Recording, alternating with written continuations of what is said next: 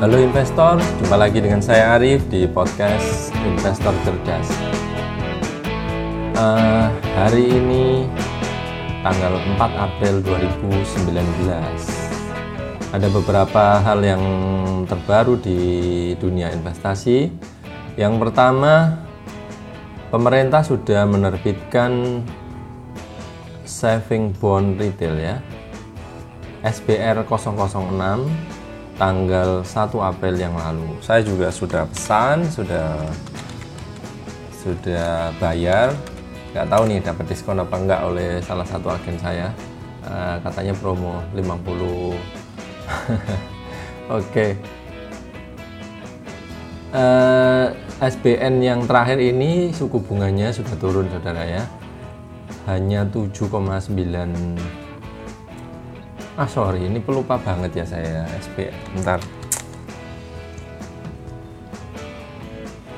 Ya ada promonya nanti akan saya buat di pot, uh, medsos juga.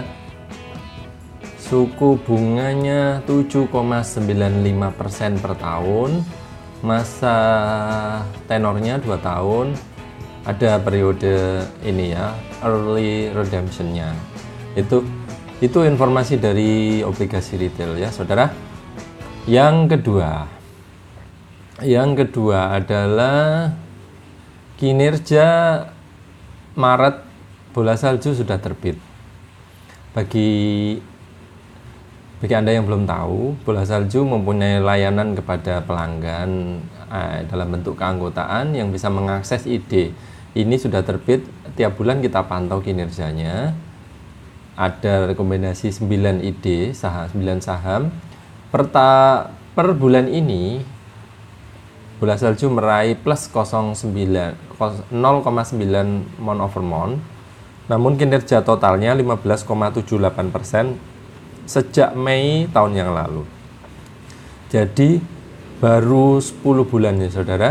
Kinerjanya 15,78 persen. Ini kita ukur karena sebagai bentuk evaluasi dan juga sebagai bentuk ya kalau untung kita bisa katakan kalau rugi kita bisa jelaskan apa yang salah dan seterusnya. Kalau nggak ada yang salah masih rugi ya kita nikmati saja kita biarkan. Itu adalah masa investasi. Kalau di bola salju seperti itu. Kinerja portofolio pribadi kami saya hingga akhir bulan Maret ini 513,7 persen. Oke saudara, perlu diketahui karena episode ini memuat bahasan tentang emiten, Anda harus tahu disclaimer yang ada di situs bola salju. Bola salju tidak bertanggung jawab terhadap hasil investasi orang lain. Pembaca dan pendengar tunduk pada disclaimer dan dianggap menyetujui pernyataan ini dan mengikat di tema kali ini saya ingin diskusi tentang contoh analisa kami. Bagi Anda yang sudah membaca artikelnya, mungkin bisa melewatkan atau mungkin mendengarkan juga nggak apa-apa. Ada beberapa hal mungkin yang tidak saya ungkap di artikel. 31 Maret yang lalu saya menerbitkan artikel berjudul contoh analisa kami. Artinya saya membuka dua artikel saudara untuk biar bisa dibaca oleh pendengar. Artikel pertama adalah analisa kami di emiten PZZA, PT Sari Melati Kencana Terbuka. Anda tahu Pizza Hut? Nah, PZZA adalah emitennya yang mengelola waralaba ini. Pizza IPO 23 Mei 2018 yang lalu ya saudara ya. 28 Mei, lima hari setelahnya, kami menerbitkan analisa mengevaluasi harga uh, nilai intrinsik atau perkiraan kami terhadap di saham itu. Nah, ini saya buka di contoh analisa kami, silahkan dibaca nah, atau silahkan didengarkan. Bagaimana evaluasi kami di Pizza? Nah, di analisa tersebut kami memberi proyeksi paling agresif untuk saham Pizza untuk perusahaannya pendapatannya paling agresif itu 3 triliun, 4 3 triliun saudara untuk perusahaan pizza di seluruh Indonesia dari ratusan gerai mereka. Nah, realisasinya ternyata pizza memperoleh penjualan neto sebesar 3,5 triliun. Jadi lebih besar sedikit ya, lebih besar lebih besar 100 miliaran. Ya banyak sih. Kami meleset 4,5 persen selisihnya. Untuk laba kami memakai rasio sederhana karena pendapatannya sudah meleset, labanya berkurang. Kami memberi prediksi 52,39 per saham. Namun bisa bisa merealisasikan laba 173,09 miliar, selisih 13 miliar dari proyeksi kami. Oke. Menurut saya hasil ini ya saya kira se, se saya merasa yang penting konservatif, yang penting tidak berlebihan dan analisanya datang dari proyeksi angka-angka yang real dari store store-store mereka pendapatannya dari masa lalu kemudian diproyeksikan ke store baru kayak gitu. Bagaimana kinerja saham Pak PZ, PZZA pasca IPO? Nah, ini salahnya saya tidak memantau saham Pizza lagi pasca IPO. Tidak saya beli, tidak saya ikuti lagi. Ternyata saudara, saham Pizza ini sempat turun hingga harga 840 rupiah per saham pada Desember yang lalu. Nah, sekarang harganya sudah 1220 atau naik 45% setelah itu. Oke, next kita sekarang membahas sektor pakan ternak. Ini adalah sektor favorit saya karena yang pertama industrinya itu menarik. Yang kedua, jumlah emitennya sedikit. Kalau sedikit kan ya gampang mantaunya ya. Tapi memang industrinya sih yang menarik industri pakan ternak ini kan sektor yang tidak lapu segala zaman ya karena ayam terutama itu sumber protein yang selalu dibutuhkan oleh masyarakat dan industri ini bisa memproduksi ayam dengan harga yang murah dan terjangkau untuk masyarakat pada umumnya. Pada 18 Maret 2019 saya men, eh, kami menerbitkan analisa sektor pakan ternak ini Nah, pada saat itu harga saham di sektor ini sebenarnya sudah sudah mengalami koreksi atau turun, Saudara. Per Maret Cepin misalnya itu sudah terkoreksi min 8,72 persen sejak harga tertingginya. Harga tertingginya dulu 8.600. Pada saat itu sudah turun 7.850. Lumayan kan turunnya? Nah, JVFA, Java Confit yang emiten kedua yang juga favorit. Jadi dua emiten ini adalah yang terbesar.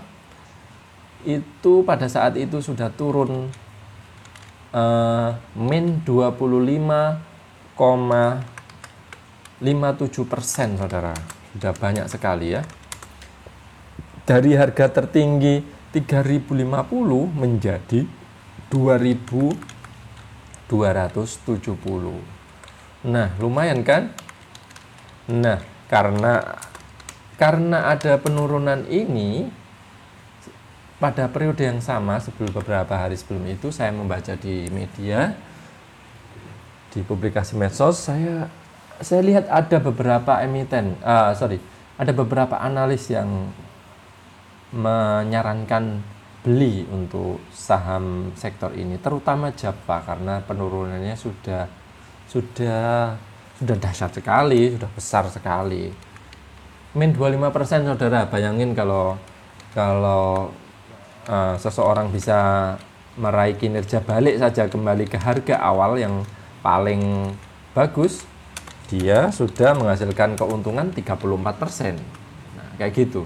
Memang masuk akal kayak gitu, ya. Namun, apakah rekomendasi itu di harga yang saat itu per 18 Maret itu sudah sesuai? Saya merasa tidak sepakat dengan analis-analis tadi. Nah, di, di analisa saya tersebut, silahkan baca analisa lengkapnya, saya merasa valuasi sahamnya itu sudah terlalu mahal, sudah terlalu tinggi. Ini kemudian kita bandingkan dengan kinerja real perusahaan. Kinerja Cepin naik ya cukup pesat dengan menghasilkan laba sebesar empat setengah triliun dari sebelumnya dua setengah triliun. Besar sekali. Atau naik 82,11 persen. Nah, dengan merujuk ke laba 278 per saham, di harga tersebut Cepin itu dijual setara 27 kali laba, Saudara. Di harga yang sekarang 23 kali laba. Oke. Kemudian Java, JPFA. Java menunjukkan kenaikan 14% dari penjualan netonya. Ini Java saya agak detail saya fokus ke saham ini karena saham ini yang banyak direkomendasikan oleh analis karena Cepin sendiri sudah terlalu mahal ya. Java masih dianggap rasio 25-an, 27-an masih dianggap oke okay oleh analis mungkin ya. Java menunjukkan kenaikan 14,9% dari penjualan neto 29,6 triliun saudara menjadi 34 triliun. Sementara itu labanya naiknya pesat ya labanya fenomenal sekali 132 persen dari 93 933 miliar menjadi 2,1 triliun. Gitu saudara. Oke. Nah dibanding sahamnya kalau merujuk ke tanggal saham tanggal 18 ini sudah setara 12,3 kali laba. Di harga sekarang 9,43 kali laba. Di harga 1750 ya saudara ya. Oke. Oke. Lalu bagaimana dengan kinerja saham di sektor ini? Nah, pasca analisa terbit setelah terbit dua minggu dari 18 hingga saya buka ini analisanya, saham Cepin turun min 17,42 persen dari harga penutupan 7.750 menjadi 6.400 saudara. Lalu bagaimana dengan kinerja saham sektor ini sejak analisa terbit pada 18 Maret hingga akhir Maret eh, 2019 saham Cepin telah turun min 17,42 persen. Kalau ini dari 18 hingga akhir Maret. Dari harga 7.750 menjadi 6.400. Kalau dibandingkan dari awal nilai tertingginya saham Cepin, ini sudah turun min 25,58 persen. Oke. Sekarang Java. Java, JPFA telah turun min 21,56 persen dari harga 2.250 menjadi 1765 jadi kalau diakumulasi total dari harga tertingginya Java sudah turun min 42,13 persen oke saudara Penurunan kedua emiten ini sebenarnya anomali karena IASG selama setengah bulan itu hanya turun 0,625 persen sejak 18 Maret ya. Tapi kalau satu bulanan IASG masih naik 0,6 persen sekian masih naik.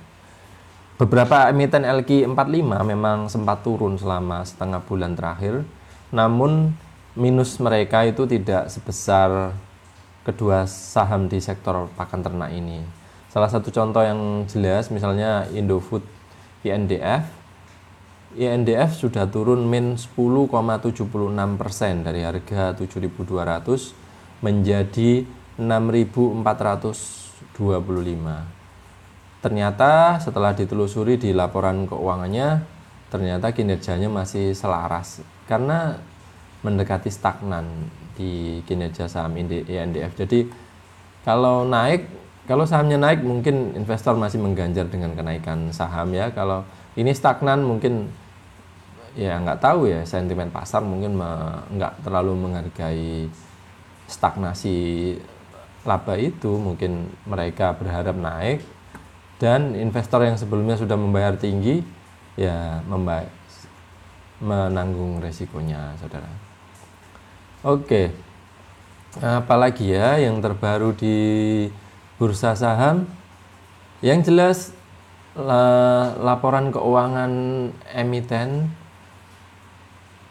uh, kemungkinan sudah keluar semuanya saudara.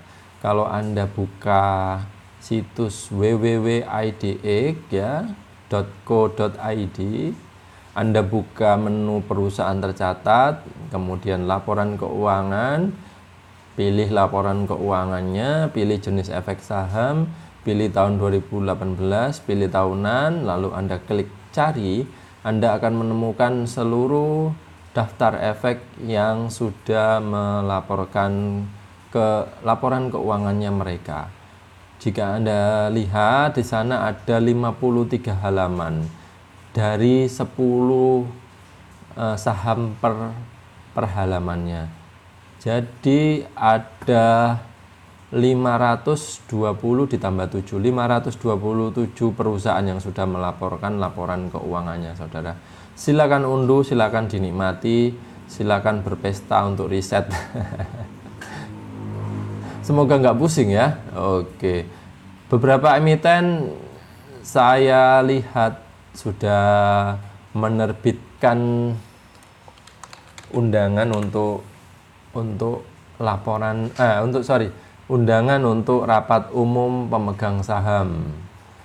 Anda bisa melihat daftar agendanya di IDX atau kalau ingin ringkas bisa berkunjung ke ksei.co.id bisa buka menu publikasi nanti akan turun menunya klik pengumuman corporate action setelah itu di sebelah kiri klik RUPS atau RUPO. Anda pilih bulannya, kemudian lihat daftarnya. Misalnya di April 2019 ini, klik perbarui. Di sana akan tampil 10 data per halaman. Ada 4 halaman, Saudara. Jadi ini totalnya sekitar sekitar 8 38 perusahaan atau 38 pengumuman ya. 38 pengumuman perusahaan-perusahaan yang akan melakukan rapat umum pemegang saham dalam waktu dekat. Ada beberapa contoh misalnya Gerha Layar Prima, Blitz, TPMS, Toba, MAPA, PUDP, MTSM, Hero, Harum, KDSI, dan seterusnya dan seterusnya dalam waktu dekat misalnya juga Sido muncul ada yang akan melaksanakan di Semarang terdekat dari tempat saya ya. SCMA juga ini kita lihat Maya, Bank Maya Pada, SRSN dan seterusnya. MTEK juga akan melaksanakan. Untuk melihat detailnya, klik icon PDF yang ada tulisannya KSEI min 5961 slash JKU 0419 itu. Klik nanti akan buka PDF, nanti akan Anda tahu tanggal RUPS-nya, tanggal pencatatannya berapa, tanggal RUPS-nya berapa, tempatnya di mana, dan seterusnya kayak gitu ya saudara ya. Oke, saya rasa itu dulu update eh, bursa pada pekan ini. Semoga bermanfaat. Tetap riset, tetap analisa, tetap pantau perusahaan Anda dengan hati-hati dan selalu uh, letakkan paradigma konservatif agar investasi Anda lebih terjaga, lebih mempunyai margin pengaman yang lebih baik. Sampai jumpa di episode berikutnya.